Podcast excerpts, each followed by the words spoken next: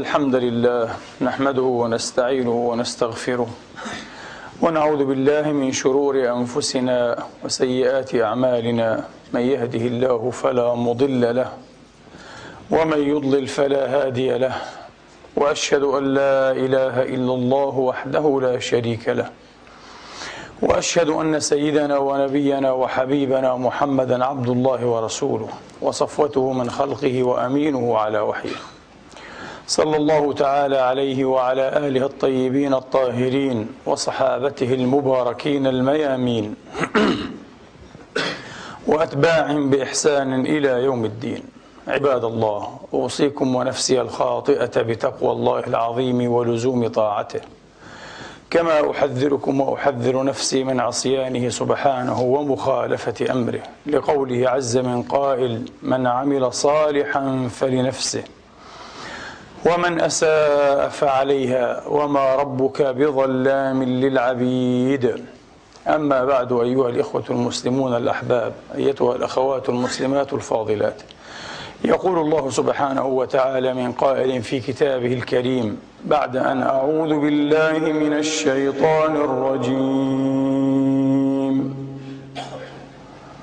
بسم الله الرحمن الرحيم. ويل للمطففين الذين اذا اكتالوا على الناس يستوفون واذا كالوهم أو وزنوهم يخسرون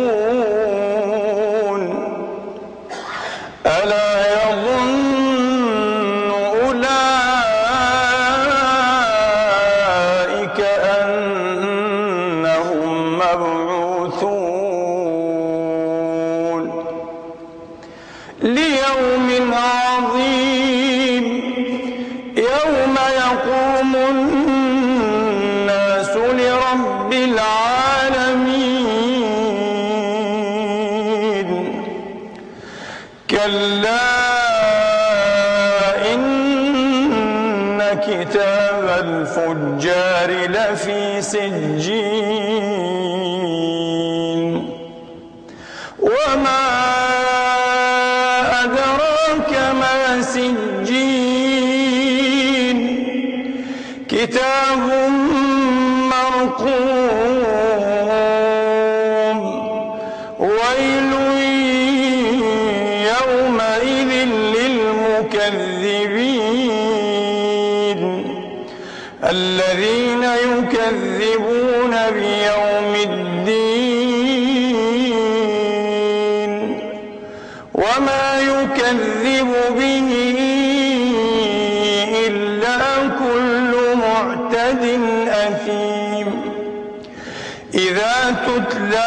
عليه آياتنا قال أساطير الأولين. صدق الله العظيم وبلغ رسوله الكريم. ونحن على ذلك من الشاهدين. اللهم اجعلنا من شهداء الحق القائمين بالقسط. آمين. اللهم آمين. أيها الإخوة الأحباب أيتها الأخوات الفاضلات هذه السورة ومطلع هذه السورة الجليلة أيها الإخوة. ليس بدعا من سور أخر في كتاب الله. كسورة الماعون وما ورد في آخر المدثر. وفي مواضع كثيرة من كتاب الله الأجل سبحانه وتعالى. يبدأ هذا المطلع أيها الإخوة ويل للمطففين الذين إذا اكتالوا على الناس يستوفون وإذا كالوهم أو وزنوهم يخسرون ألا يظن أولئك أنهم مبعوثون؟ هذه شيء من شيات الكفار وعلامة من علائم الجاحدين المنكرين للبعث والحساب والدينونة أيها الإخوة. وبعض الناس قد يتساءل عن سر هذا الربط بين التطفيف وبين كونهم على ما ذكرنا وبين كونهم على ما ذكرنا. وبسرعة أيها الإخوة يهرع إلى الاستنتاج أن المسلم أو المؤمن ينبغي أن يكون بالضد تماما بالضد تماما من هذا الخلق خلق التطفيف. يستوفي لنفسه كل ما يريد وما ينبغي له لكنه يهضم الآخرين حقهم أو بعض حقهم. يستحيل أن يكون المسلم كذلك. لأن الله أيها الإخوة افتتح هذه السورة جاعلا من هذه شيئة وعلامة أيها الإخوة للكفار والعياذ بالله جحدي البعث والدينونة. فلا ينبغي أن يكون المسلم كذلك بأي حال من الأحوال. والمسألة أوسع أيها الإخوة وأعرض وأعمق من أن تكون وقفا على ميزان الطماطم والأرز والقمح والشعير في كل شيء أيها الإخوة. والسماء رفعها ووضع الميزان ألا تطغوا في الميزان. بالعدل قامت السماوات والأرض. ولا يجرمنكم شنآن قوم على ألا تعدلوا. حتى مع عدوك مع بغيضك ينبغي أن تقول الحق وأن تعطي النصف ولو من نفسك وأن تقر. بأنه عدوي وبغيضي ومع ذلكم له الحق وأنا المبطل. هكذا تكون مسلما. هكذا تكون مسلما. قال صلى الله عليه وآله وأصحابه وسلم مرة لأحد أصحابه يا فلان أتحب أن تكون من أهل الجنة؟ قال نعم يا رسول الله. قال أحب لنفسك مثل ما تحب أحب عفوا لأخيك مثل ما تحب لنفسك. ينبغي أن تحب للناس. مثل الذي تحب لنفسك. أنت لا تحب أن تغضم فلا تهضمن أحدا. أنت لا تحب أن تظلم فلا تظلمن أحدا. لا تحب أن تغتاب وأن يقرض أديمك ويشرح عرضك. لا تفعلن مثل هذا بأحد من الناس. لا تحب أن تحتقر فلا تحتقرن أحدا من الناس. لا تحب أن يشمخ عليك أحد ويتعالى عليك لا تشمخ ولا تتعالى على أحد من الناس. تحب أن يتواضع لك فتواضع للناس. تحب أن تعطى فأعطي. تحب أن تنصف فأنصف. قال عبد الله بن عمرو بن العاص رضي الله عنهما قال صلى الله عليه صلى الله عليه وآله وأصحابه وسلم من أحب أن يدخل الجنة ويزحزح عن النار فلتأته منيته وهو يؤمن بالله واليوم الآخر. في رواية أخرى بلفظ وهو يشهد أن لا إله إلا الله وأن محمدا رسول الله. فلتأته منيته وهو يؤمن بالله واليوم الآخر وليأتي إلى الناس مثل الذي يحب أن يؤتى إليه. عامل الناس بنفس ما تحب أن تعامل به. ستكون مؤمنا إن شاء الله. ستكون مسلما. والحديث العنوان الحديث المفتاح أيها الإخوة في هذا الباب وهو معروف لنا جميعا وهو من أحاديث الأربعين. حديث عبد الله حديث عبد الله بن عمر هذا مخرج في مسلم. الحديث المفتاح مخرج في الصحيحين ورواه الإمام أحمد وأصحاب السنن إلا أبا داود. من حديث أبي حمزة أنس بن مالك رضي الله تعالى عنهم وأرضاهم أجمعين قال قال صلى الله عليه وآله وأصحابه وسلم لا يؤمن أحدكم. لا يؤمن أحدكم حتى يحب لأخيه ما يحب لنفسه.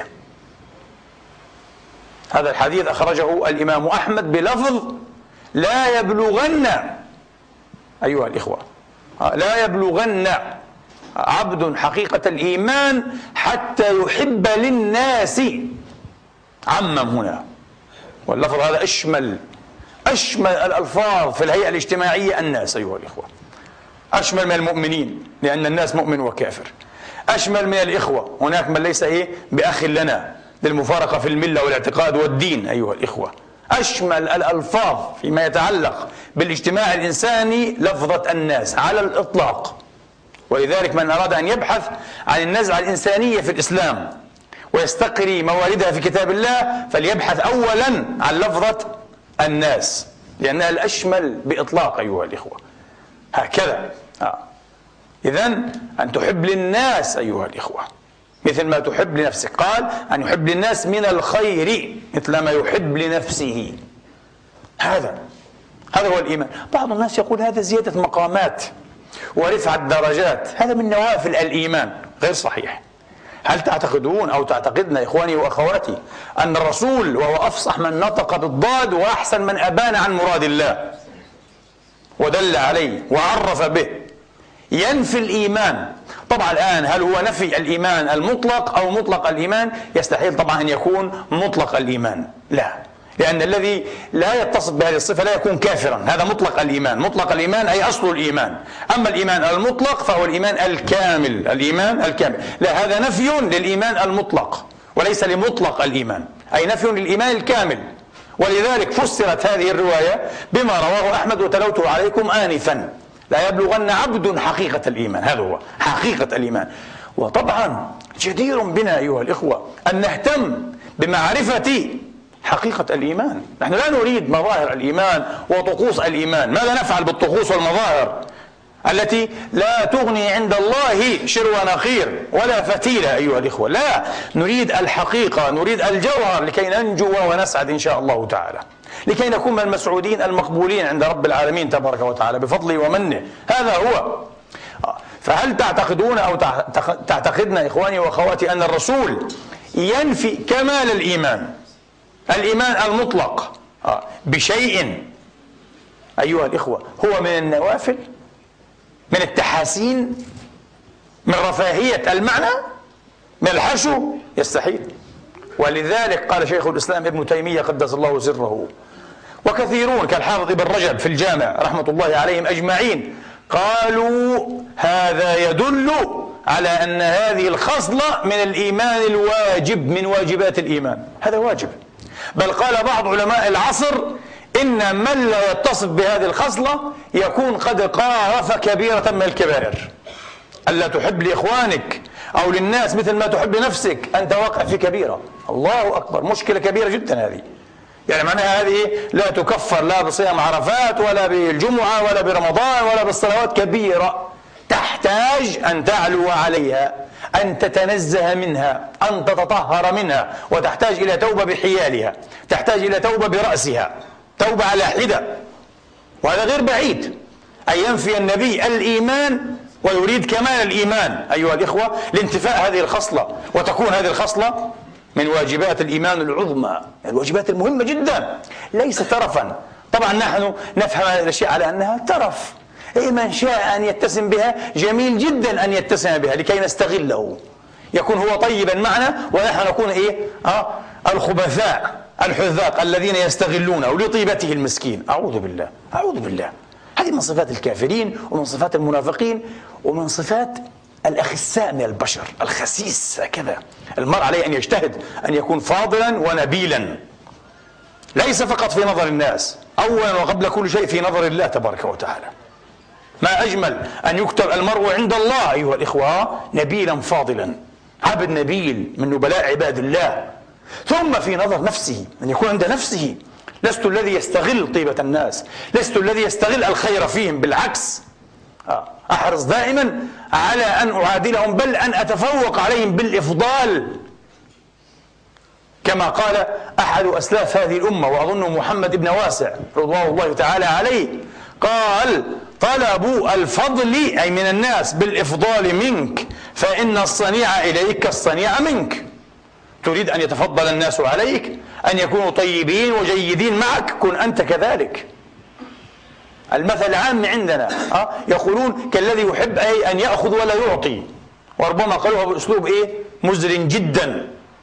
أه؟ يأكل ولا يخرج. هكذا الحياة. لابد أن تأخذ وتعطي. لابد أن تحترم لتحترم وأن تتواضع لتواضع لك وأن تبذل ليبذل لك وأن تقيم لتقام وهكذا هكذا. أيها الإخوة أحب أن أبدأ بعد هذه المقدمة اليسيرة بملاحظة مهمة جدا في عالم الأخلاق والفضيلة. بعض الناس يظن أن هذا العالم عالم مشتبك وملبس وملغز وشديد التعقيد يحتاج إلى عقول مفكرة وإلى أذهان متيقظة مستبصرة. حتى نستطيع أن نفرق بين المتشابهات والمتلابسات والمتداخلات. وهذا غير صحيح. على الإطلاق غير صحيح. انتبهوا. والمسألة أيسر من هذا بكثير. أحد الحكماء قال يوما أيها الإخوة الحياة تمضي وتسعد. وأنا أقول وتشرف وتفضل هذه الحياة وتستقر وتهنأ. حياة الناس. بماذا؟ قال بقدر يسير جدا جدا من المبادئ والأفكار التي تم اختبارها وتجريبها عبر الأجيال في مئات السنين بل في آلاف السنين في أفكار معينة. كل البشرية صادقت عليها. كل الدنيا كل الأديان الوضعية والسماوية كل المفكرين والفلاسفة والمصلحين الواعين الأيقاظ صادقوا عليها. وتختصر أيها الإخوة في كلمات في جملة. جملة ربما من ثلاث كلمات خمس كلمات أربع كلمات جملة واحدة. هكذا تمضي الحياة بهذه المبادئ. ليس مجلدات كبيرة في فلسفة الأخلاق أو ما يعرف بالأخلاق النظرية. لا ليس هكذا أيها الإخوة. ولذلك المسألة يسيرة جدا كما قال عليه الصلاة وأفضل السلام يسير على من يسره الله عليه. ونستطيع أن نحوصلها وأن نكثفها وأن نركزها في جملة واحدة. من الصعب جدا أن تجدوا مبدأ أخلاقيا مسلكيا. اتفقت عليه القرائح وقررته العقول وصادقت عليه المواثيق والفلسفات والأديان سماوية ووضعية مثل ما نحن بصدد إيضاحه اليوم من الصعب جدا آه. انخلوا أفكاركم كما يقال آه. من الصعب أن تصلوا إلى ضريع أو إلى مثيل لهذا المبدأ مبدأ ماذا؟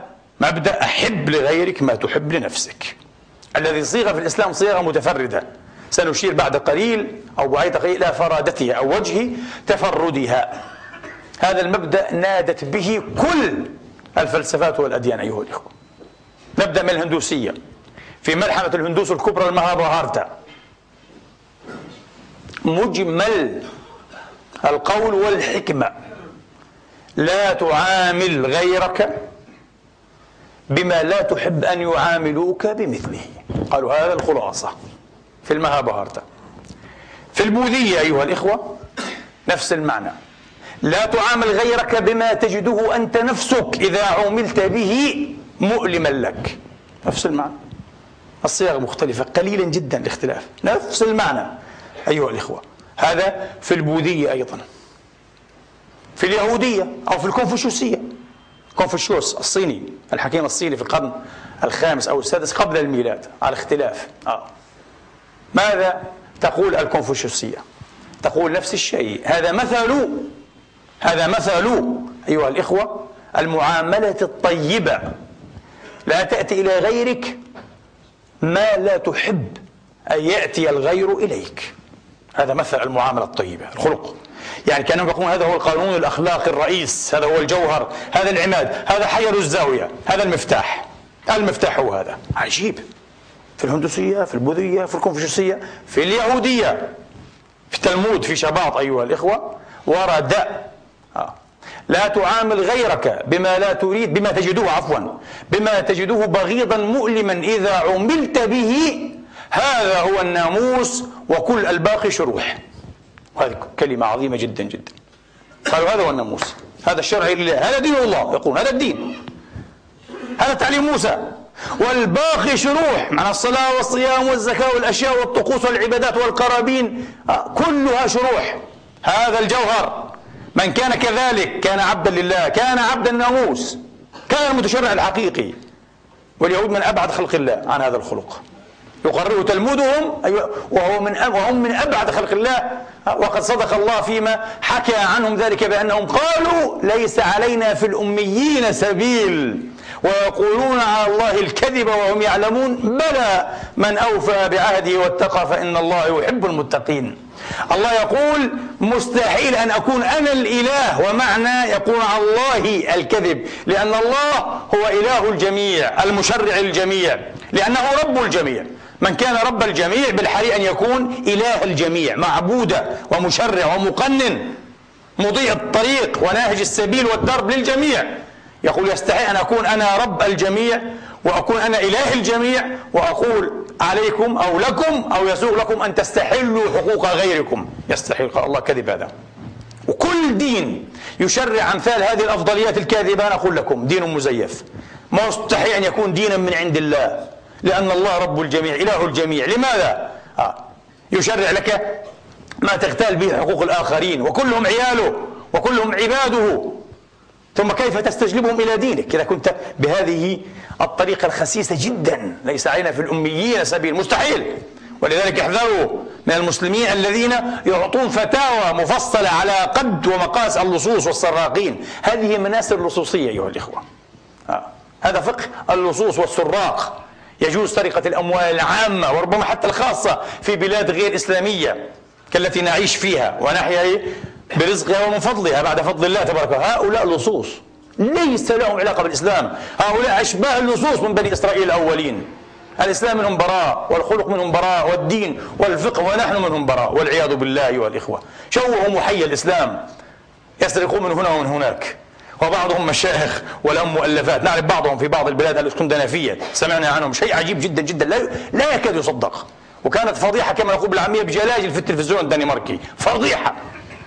شيخ وإمام ويؤلف ويبيح اللصوصية باسم دينه عن أي دين تتحدث يا مجرم؟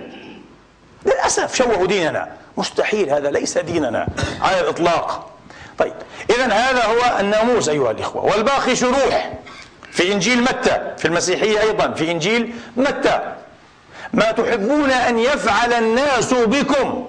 أنتم أيضا فافعلوا أي فافعلوا بهم مثله. هذا هو الناموس والأنبياء. قالوا هذا هو. الكتاب والسنة يعني. الناموس والأنبياء الكتاب والسنة. الله والرسول قالوا هذا هو. هذا هو.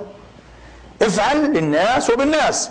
ما ترضى وما تحب أن يفعلوه بك. غريب جدا هذا. شيء يثير التساؤل. يعني الهندوسية البوذية الكونفوشيوسية اليهودية المسيحية وأخيرا الإسلام. كلها تقرر نفس المعنى نفس المفهوم نفس المبدأ. أنا أقول يبدو أن هذا ليس نتيجة الاختبار البشري الطويل لهذا المبدأ لنجاعته وصلوحيته بمقدار ما يعكس وحدة الأصل الإلهي. هذا أصل العدالة بالعدل قامت السماوات والأرض. هذا هو العدل. لا عدالة في أن تميز نفسك من الناس فترضى لنفسك ما لا ترضاه لهم وترضى بهم ما لا ترضاه إيه؟ بنفسك. يستحيل يستحيل. هذا لابد أن يكون له أصل إلهي. أصل إلهي. ولذلك القرآن يقرر هذا أيها المبدأ وهذا المفهوم بطرق عجيبة جدا جدا. بعض الناس يقول أين هذا في كتاب الله؟ نحن نعرف الحديث. لا يؤمن أحدكم حتى يحب لأخيه مثل ما يحب لنفسه. لا موجود. ويل للمطففين الذين إذا اكتالوا على الناس يستوفون. وإذا كالوهم أو وزنوهم يخسرون. هل جزاء الإحسان إلا الإحسان؟ هل جزاء الإحسان إلا الإحسان؟ آه. كذلك كنتم من قبل فمن الله عليكم فتبينوا. لماذا؟ أنتم لستم متفردين لستم استثناء. أنتم كنتم مشركين وكفارا. من الله عليكم فأسلمتم. لم يشكك أحد في إسلامكم ولم يستبح دماءكم بحجة أنكم تدعون. فلماذا ادعيتم في غيركم أنهم يدعون؟ واستحللتم دماءهم لتأخذوا أغنامهم. القرآن يقول هذا. إذا يقرر المبدأ في سياق قصة واقعية عجيبة جدا جدا. كذلك كنتم من قبل فمن الله عليكم فتبينوا. القرآن يقول وليخشى الذين لو تركوا من خلفهم ذرية ضعافا خافوا عليهم فليتقوا الله وليقولوا قولا سديدا. تقرير آخر بشكل رابع لنفس المبدأ لنفس المفهوم الذي أطبقت عليه كل الأديان والأفكار والفلسفات العظمى في تاريخ البشر أيها الإخوة. وهذه الآية الجليلة من سورة النساء فيها تفسيران مشهوران. آه، ذهب إلى كل فريق. بعضهم يقول وليخشى الذين لو تركوا من خلفهم ذرية ضعافا. خافوا عليهم فليتقوا الله ويقولوا قولا سديدا. معنى هذه الآية الجليلة أيها الإخوة أن من ولي شيئا من أموال اليتامى وكان وصيا عليها وعليهم أيها الإخوة فليتق الله وليخشه ولا يسارع إلى تغولها وإلى أكلها إسرافا وبدارا أن يكبروا. ولينزل نفسه منزلة مورثهم الميت ولينزل ذريته الضعاف من بعده حلمات وهم ضعاف صغار منزلة الموصى عليهم من قبله ووصي عليهم الموصى عليهم من قبله. فإذا أحب أن لا يفعل بأولاده الضعف العجز الأيتام من ورائه أي من بعده آه أيها الإخوة من بعد حياته يعني بعد موته أن لا يفعل بهم إلا الخير فليفعل الخير بهؤلاء. تفسير قويم جدا. وهو الذي ذهب إليه الحبر ابن عباس رضي الله تعالى عنهما. قال هذه الآية في الرجل أيها الإخوة يخشى أن يموت ويخلف وراءه يتامى ضعفة صغارا يخشى عليهم العيلة والضيعة. فقال الله له فاتق الله في من كنت وصيا فيهم وعليهم. اتق الله إذا واخشى الله. ولا تضيعهم ولا تتغول أموالهم. إذا أن تحب لغيرك مثل ما تحب لنفسك. أنزل نفسك بنفس المنزلة. عجيب. تقرير عجيب جدا جدا. ويحرك الفطرة أيها الإخوة. آه لمن كانت له فطرة سليمة غير معكوسة ولا منكوسة. وهذا ما رجحه الحافظ ابن كثير رحمة الله عليه. قال بهذا ابن عباس ورجعه ابن كثير. الحافظ شيخ المفسرين ابن جرير الطبري قال لا معنى الآية شيء آخر. جميل. آه. قال هذه الآية أيها الإخوة يتوجه بها الله تبارك وتعالى إلى من حضر الميت لدى الإيصاء. الميت وهو يموت يوصي الآن يوصي. فربما قال بعض من حضر أي فلان اتق الله فإن ولدك وأهلك لا يغنون عنك من الله شيئا. فأوصي لفلان وأوصي لفلان وأوصي لفلان الوصية من الأجانب.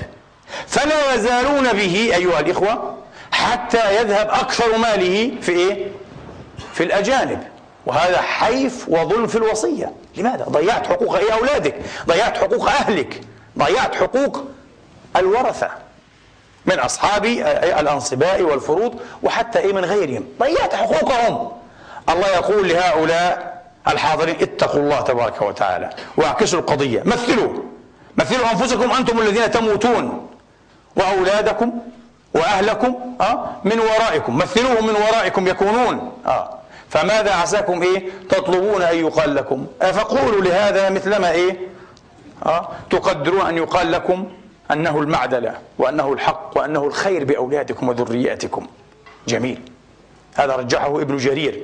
لكن على كلا التفسيرين أيها الإخوة وهو قويم إن شاء الله تعالى أه؟ الآية تقول أحب لغيرك ما تحب لنفسك. أحب لغيرك ما تحب لنفسك. ونعود أيها الإخوة إلى حديث رسول الله صلى الله عليه وسلم. لا يؤمن أحدكم. إذا هذا أيها الإخوة من واجبات الإيمان. بل قال شيخ الإسلام ابن تيمية قدس الله سره التزام هذا كالتزام الصلاة والزكاة والصيام. يعني الإقرار به يجب أن تقر بهذا كالصلاة. آه. ليس فضلا منك أبدا. ولأبي حامد الغزالي تعليق في غاية الروعة. آية من آيات الفهم الدقيق أيها الإخوة. علقه على حديث لصاحب الجليل. طالما اقتبسناه. وحري بأن يقتبس وأن تذكر به الأمة. آه. ولقصة وحكاية وقعت له. والحديث مخرج في الصحيحين. يقول جرير بن عبد الله البجلي رضي الله تعالى عنهم وأرضاهم أجمعين بايعت رسول الله صلى الله عليه وآله وسلم على إقام الصلاة وإيتاء الزكاة والنصح لكل مسلم. النصح للأمة. أن أنصح. النصيحة ليست كلاما يقال. ها؟ أدفايس يعني ولا رات ها؟ تقولي رأيا للناس. لا ليس هذا. النصيحة كلمة جامعة. كما قال الخطابي وأبو عمرو بن الصلاح رحمة الله عليهما. النصيحة كلمة جامعة يراد بها قيام الناصح. للمنصوح بما فيه خيره إرادة وفعلا. أريد له هذا. وفعلا بالقول والعمل أيضا أحقق الإرادة هذه. أن أوصل له الخير بإذن الله تعالى. حتى وإن كان في نفسي حسكة لأن النفوس لا تخلو من حسد. وما خلا جسد من حسد. لا انتبه. إياك. قاوم حسدك. اعلو على نفسك. تقوى. لتكون مؤمنا صادقا. لا تصرع عنك هذه الصغائر النفسية هذه المهلكات الردية والعياذ بالله. لأنك تريد جوهر الإيمان وحقيقة الإيمان كما قال صلى الله عليه وسلم. إذن عليك أن تقاوم نفسك أن تكون أقوى من هذه النفس التي تنزع بك إلى شر منزع. التي تنزع بك إلى شر منزع. وكان جرير بن عبد الله رضي الله تعالى عنه وأرضاه إذا قام إلى شيء يبيعه جعل يبين ما فيه من عيوب. يقول المشتري لكن فيه عيب كذا وهذا فيه عيب كذا. عن أشيائه. فقيل له يا جرير إنك إذا ظللت على هذا لم ينفذ لك بيع. فقال بايعت النبي صلى الله عليه وسلم على النصح لكل مسلم. لا يعنيني. ليست قضية أن أبيع أو لا أبيع أكسب أو أخسر ليست هذه القضية. النصح للمسلمين خير عندهم الدنيا والآخرة يا جماعة. رجل بعد رجل صادق. قال مولانا أبو حامد الغزالي قدس الله سره فبان بهذا أنهم لم يفهموا من النصح أنه مجرد إيه؟ مجرد قول ومجرد زيادة في الدرجات. أنه شيء يعني لمن شاء أن يعلو. لا بل فهموا النصح على أنه من شروط الإسلام وعليه تمت البيعة. هذا من شروط الدين قال. قال وهذا عسير على أكثر الخلق. أن تنصح للناس مثل ما تنصح نفسك وتحب لهم الذي تحب لنفسك وتكره لهم الذي تكره لنفسك. قال أبو حامد وقد صدق والله صدق. هذا عسير على أكثر الخلق وصعب ولذلك يفرون أيها الإخوة يفرون العبادة في الخلوات والمعتزل يعتزلون. لأنه ضعيف ضعيف الشخصية يقول لك لا أحسن ألا أخالط الناس لأنه لا يقوم بأمر الله ومراده مع الخلطة إلا الصديقون. اللهم اجعلنا منهم. قال هذا الصعب الصعب أن تخالط الناس وأن تكون صديقا أن تقضي بالحق على نفسك. تشهد بالحق حتى على نفسك الله قال ولو على أنفسكم أو الوالدين والأخ تقول نعم الشهادة إلا أنني أنا المبطل أنا أخطأت يا جماعة. الشيطان استزل. أنا المخطئ. هل سمعتم أحدا يقول هذا؟ إن شاء الله كل 30 سنة نسمع مرة. ما في. لا تكاد تقع واقعة صغيرة أو كبيرة حتى في أمور سفسافية صغيرة حقيرة. إلا الكل يبرئ نفسه وأنه المظلوم أيها الإخوة وأنه المهضوم. شيء عجيب جدا. أين الإنصاف؟ كلكم مظاليم كلكم براء فمن سرق المصحف؟ كلكم كم الفائدة مقصدا؟ ما هذا؟ لماذا لا نعترف. أنا الشهادة إلا أنا الأخطاء. أنا البادئ يا جماعة. فاستغفروا لي الله. ما في هذا. لكن هذا يريد مؤمنا صادقا. كالصحابة رضوان الله عليهم. يحكى عن نبي الله سليمان بن داود عليهما السلام أنه لما أمره الله ببناء بيت المقدس فقال يا رب آه، وأين أبني؟ آه، قال إذا رأيت الفارس مشرا سيفه فثمت. فرأى يوما فارسا مشرا سيفه فسأله ألك أرض؟ قال نعم هذه أرضي. آه. قال أريد أن أثامنك عليها. تبيع؟ قال أبيع. بكم؟ قال بألف. قال هذه الألف ادفعوا له. ملك هذا عليه السلام. فقال يا نبي الله أستنصحك. الأرض خير أم الألف؟ قال الأرض. لا الأرض تسوى أكثر من ألف. أنت طلبت ألفا لكن هي أكثر من هذا. قال أخلني بيعتي. قال أقلتك قال بدي أرجع. ومن أقال مسلما بيعته أقال الله يوم القيامة عثرته. قال أخلني بيعت شو أخلاق الأنبياء؟ تكلم عن الأخلاق. أخلاق الأنبياء هذا الدين. مش الدين. اجمع وامنع وعمل لحالك ولحية مش هذا الدين. مش هذا الدين. الدين سلوك. الدين عمل. الدين معاملة مع الله. ليست مع الناس. ولا كلام في الناس وخطب مثل خطبي هذه. لا. دين معاملة مع الله. بينك وبين الله. انسى الناس. انسى العالم. انسى الدنيا والآخرة. عامل الله عامل الله فإنه من وراء قلب كل امرئ ولسان نسأل الله الصدق. قال الأرض خير؟ قال أخلني. قال أقلتك؟ آه. فقال له سليمان بألفين تبيع قال بعت قال يا نبي الله الألفان خير أو الأرض؟ قال الأرض آه. قال إذا أخلني. قال أقلتك. وهكذا حتى بلغ به الخمسة الآلاف أو خمسة آلاف. وهو يقول لا الأرض خير من خمسة آلاف. ثم قال له نبي الله كم تريد وأنا أعطيك؟ قال يا نبي الله أسمي الذي يرضيني؟ قال سمي. أعطيك. سمي أعطيك. أنا نبي مملك عندي. سمي أعطيك. قال تملأها علي. نعما إبلا وبقرا وغنما. قال املأوها له النصح. نصح استنصحك. في صحيح مسلم من حديث أبي هريرة مرفوعا. قال صلى الله عليه وسلم حق المسلم على المسلم ست وذكر منها وأن ينصح له إذا استنصحه. يخطب إلي ابنتي يقول يا أخي هل تصلح لي؟ أقول له في الحقيقة لا تصلح. في عقلها شيء وفيها عيب كذا وكذا. في ابنتي أنا عاصرت حالة واحدة وحيدة إلى اليوم في حياتي أيها الإخوة في هذا الصدد. رجل أعرفه كان أخا لي في الله.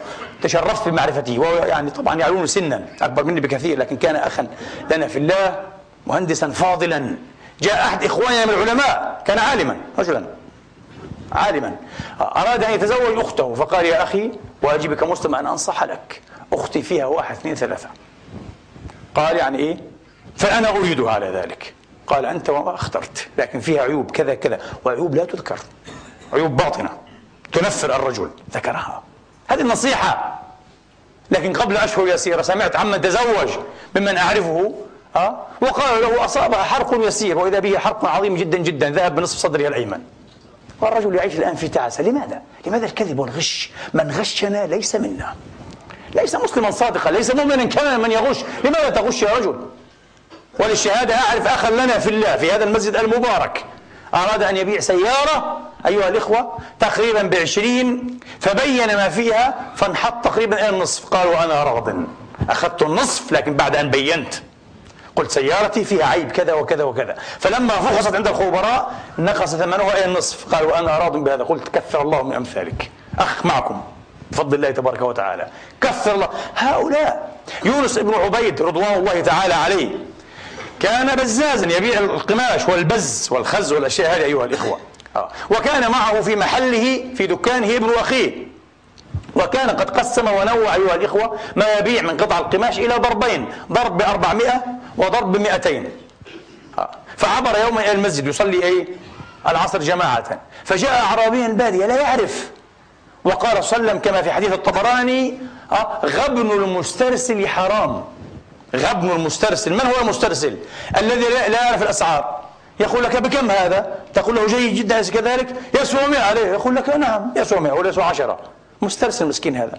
كما تقول له يصدق لأنه يعرف الأسعار. النبي قال غبن المسترسل حرام.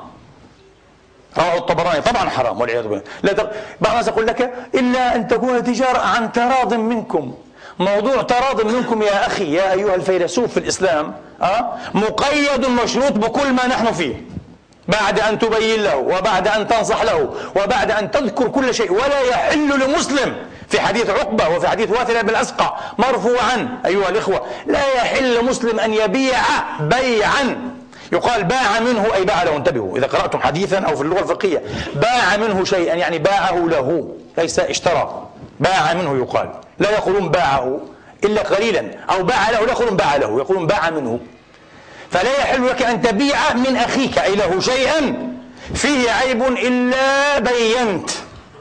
بل ولا يحل لمن يعلم إلا أن يبين.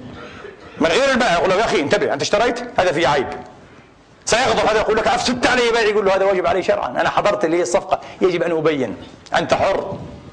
أنت وما اخترت لك. أنا يجب حتى لا أسأل عنك. ما شاء الله. تبيع وتدخل إيه؟ ما شاء الله تدخل الدنانير في كنزك وأنا أدخل النار بسببك. لا سأبين. واغتظ. آه. شق ثوبك أنت حر. هذا شرع بفضل الله. أمة كالجسد الواحد. الله جعلها كالنفس الواحدة. أيها الإخوة. على كل حال فعبر إلى صلاة العصر فجاء أعرابي مسترسل. آه. فاشترى إيه؟ شق يقولون يعني قطعة قماش. من ذوات إيه المئتين. استحسنها. قال بكم؟ قال ابن أخي يونس. قال بأربعمائة. أترضى قال حسن جدا؟ هذه طيبة ممتازة. أخذها وهو راض. حملها على يده وسحبها فقفل يونس في الطريق؟ فصدفه في طريقه فعرف سلعته. قال بكم؟ قال بأربعمائة. قال لا يا أخي هذه بمئتين. تعال معي. قال رضيتها وهي حسنة. قال يا أخي لا تسوى أكثر من مئتين. تعال معي. وجاء وخيره. إما أن يقيله بيعته وإما أن يشتري من ذوات 400 وإما أن يرد إليه 200 إيه درهم. فرد إليه ال 200 الدرهم وتغيظ عن أخيه قال أما استحييت. أما اتخيت الله تكسب 200 مثل هذا الثمن وتترك النصح للمسلم قال له. ما في نصيحة. النصح للمسلمين قال له خير من الدنيا وما فيها. يا جاهل قال له ما في تقوى ما في حياء من الله. أما استحييت هو رضي قال له رضي وأنت تركت النصح. شوف التقوى لوين تقوى اللهم اجعلنا أمثالهم. آه. قالوا بقول لك إيه السبب؟ إيه ذل المسلمين اليوم وغلب المسلمين؟ غلب المسلمين. هذه أمة إيش تستحق؟ مسكينة هذه الأمة. علينا أن نكون صرحاء. هذه أمة بكرة قدم تبيع نفسها تبيع قوميتها ودينها وأخوتها ومبادئ دينها. وتتابع الإعلاميين المجانين الفسقة والعياذ بالله الذين يريدون أن يمزقوا ما بقي. من وحدة هذه الأمة وإنا لله وإنا إليه راجعون. قال لك إيه السبب الذل الذي نحن فيه؟ أمة ما في رشد. انتهى الرشد أيها الإخوة. علينا أن نعود حقا وصدقا إلى صراط الله المستقيم. هكذا أيها الإخوة. هذا هو. فهذا لا يقوم به كما قال أبو حامد قدس الله سره إلا الصديقون أيها الإخوة. اللهم اجعلنا من الصديقين ولو على نفسك ولو على نفسك. وعودا على بدء أيها الإخوة. المسألة ليست بتلكم الصعوبة ولا بتلكم المشقة. وعموما الفضائل ومهمات الأمور أنا أقول لكم يدل عليها وينهج سبيلها ودربها بجمل قصار وربما بجملة. ماذا كان يقول المصطفى صلى الله عليه وسلم لأهله القرشيين والكفار العرب من أهلي وغير أهلي ماذا كان يقول لهم؟ كلمة. يطالبهم بكلمة يقول لهم أنا ما أريد منكم إلا كلمة. قولوها واعتقدوها والتزموها. لا إله إلا الله.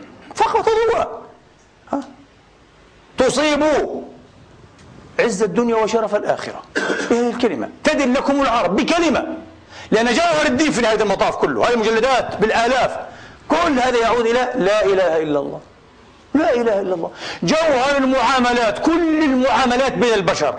معاملة الزوج لزوجه والزوجة لزوجها والأب والأم لأولادهما والصديق لصديقه والجار لجاره والرئيس لمرؤوسه والمرؤوس لمديره إلى آخره. كل المعاملات والعالم للجاه والجاه للعالم كل المعاملات إيش جوهرها؟ العدل العدل. أن تكون عادلا. وروح العدل أن تحب لهم ما تحب لنفسك وأن تكره لهم ما تكره لنفسك. قال الله تعالى تلك الدار الآخرة نجعلها للذين لا يريدون علوا في الأرض ولا فسادا والعاقبة للمتقين. روى ابن جرير بإسناد لكن فيه متروك عن الإمام علي عليه السلام وكرم الله وجهه قال إذا أحب الرجل أن يكون شراك نعله. السير سير النعل. شفت هذا الشراك هذا؟ ما يسواش حتى هذا عشر سنت. سير النعل الشراك اسمه باللغة الفصحى. شراك نعله خيرا من شراك نعل أخيه. دخل في قوله تعالى يريدون علوا. قال هذا عالم. يحب أن يتفرد على الناس. أه؟ يموت أيها الإخوة. لو رأى الناس مثله. ماذا تريد إذن؟ أن تكون ربا؟ يريد أن يكون فوقك. تكون سيارته أحسن من سيارتك. منزله أحسن من منزلك. أه؟ حيثيته الاجتماعية. لماذا يا أخي؟ متأله أنت رب أنت أنت ابن الدود وإلى الدود غدا. غدا تموت يأكلك الدود. ما هذه السخافات الشيطانية؟ لماذا؟ كن متواضعا هينا قريبا. لا نقول لك ارضى نفسك أن تكون دون الناس لكن لا تطلب أن تكون فوق الناس كن مثل الناس. لأنك عبد العبودية جمعتكم الذل الله جمعكم. أنتم الفقراء وفخر الله جمعنا جميعا. كلنا أبناء التراب وأبناء الدود أيها الإخوة. انتهى. لماذا؟ هذا هو. هذا هو. إذا المسألة يسيرة وقريبة وهينة أيها الإخوة ولكن لمن أرادها. أنا أحب أن نخرج بهذه الخلاصة اليوم. لمن أراد ما معنى هذا؟ ليس صعبا بالمطلق على الإطلاق أن تكون فاضلا ونبيلا ورجلا كريما عند الله ها وعند نفسك وعند الناس بإذن الله تبارك وتعالى. فعلا رجل مستقيما. يتسق ظاهرك مع باطنك. ليس صعبا. وممكن أن تدل على ذلك بكلمة. هي ما نحن إيه؟ بصدده اليوم. أحب لنفسك ما تحب أحب لغيرك ما تحب إيه؟ لنفسك. أحب للناس ما تحب لنفسك. انتهى خلاص. ستكون أفضل الناس وأنبل الناس. والله العظيم. في كل شيء. لكن كن صادقا. لا تخادع نفسك. تقول أنا أحببت له أنت ما أحببت له. أنت غششته. أحب. حتى حين تريد أن تدخل في تجارة في صفقة مع أحد الناس لا تقول عن تراض ارضى لأخيك ما ترضى لنفسك. إذا هو وافق المسكين قال لك أنا ثلاثة في المئة الله أكبر نعمة. بارك الله فيك. غيرك أعطاني واحد نصف المئة. قل له لكن ثلاثة في المئة قليل. أنا أعلم أنك تستحق سبعة في المئة عشرة في المئة خمسة عشر في المئة. ولو كنت مكانك لم أرضى إلا بهذا فأنا أعطيك يا أخي خمسة عشر في المئة. هذا الإيمان هذا التقوى. ولعنة الله على الدنيا ولعنة الله على الأموال ولعنة الله على الكنوز الفارغة والله العظيم. ماذا نريد منها. لا تذهب إلى الجحيم الدنيا. كسبت إيماني وشرفي ورجولتي واحترامي لشخصيتي لنفسي أنا صادق. إذا هذا هو. إذا يمكن أن تدل عليه بجملة واحدة هي هذه. ولكن هل تريد أن تكون فاضلا؟ هل تريد أن تكون نبيلا؟ هل تريد أن تكون تقيا؟ من هنا سر أن القرآن الكريم في مواضع كثيرة يقيد بالإرادة لمن أراد أن يذكر أو أراد. لو أراد سيجد إيه؟ مذكرا. سيجد مشكرا لله. موضعا للشكر. أه؟ ومن أراد الآخرة وسعى لها سعيها إذا أردت فقط. تريد الآخرة؟ سترى الدرب أمامك العظيم. ليس صعبا أبدا. تريد التوبة؟ ستراها طوع يمينك التوبة. تريد الاستقامة؟ أمامك. نهجك أمامك. هذا سبيلك الاستقامة. لكن تريد. ولذلك أنا أقول لكم هذا حكم قاس مع أنه صحيح وواقعي. كل من يدعي أنه لا يستطيع أن يكون نبيلا أو تقيا أو تائبا أو قول له كذبت على نفسك قبل أن تكذب علينا أنت لا تريد. والله لو أردت لأعانك الله وإنه ليسير على من لكن أنت تلعب أنت تشتهي وتهوى. أنت تأتي مشتهياتك وأهواءك وتميل مع أميالك النفسانية. آه، أنت معبودك نفسك ليس معبودك الله تبارك وتعالى. أنت ما تعبد الله. تعبد نفسك وهواك ومصلحتك ولذتك. لذلك تفعل ما هي ما تفعل وتعجز عما أنت عنه عاجز. لمن أراد. وإلا المسألة كلها تلخص بجملة واحدة بكلمة واحدة هذا. ولذلك النبي كان لا يعجزه سؤال. يا رسول الله دلني على عمل يقربني إلى الجنة يباعد من النار دلني على النجاة. دائما كان يعطي الجواب وبجملة. وبجملة. ها. قال لبعضهم لا تغضب. أوصل لا ت... قال لبعضهم آه أمسك عليك لسانك وليسعك بيتك وابكى على خطيئتك. انتهينا هذا هو. قال لسفيان بن عبد الله الثقفي قل آمنت بالله ثم استقم. كلمة.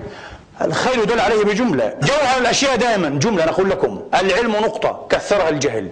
الفضيلة نقطة كثرها الجهل. والكذب وخور الإرادة. نسأل الله أن يحيينا بإرادة وبعزيمة ربانية. تكسبنا توبة صادقة. لا نعود بعدها إلى الذنب أبدا. وتحملنا على ما حملت عليه عباد الله الفضلاء الأسخياء الطيبين المباركين. اللهم أمين. أقول ما تسمعون وأستغفر الله لي ولكم أجمعين فاستغفروه. الحمد لله الحمد لله الذي يقبل التوبة عن عباده ويعفو عن السيئات ويعلم ما تفعلون ويستجيب الذين آمنوا وعملوا الصالحات ويزيدهم من فضله.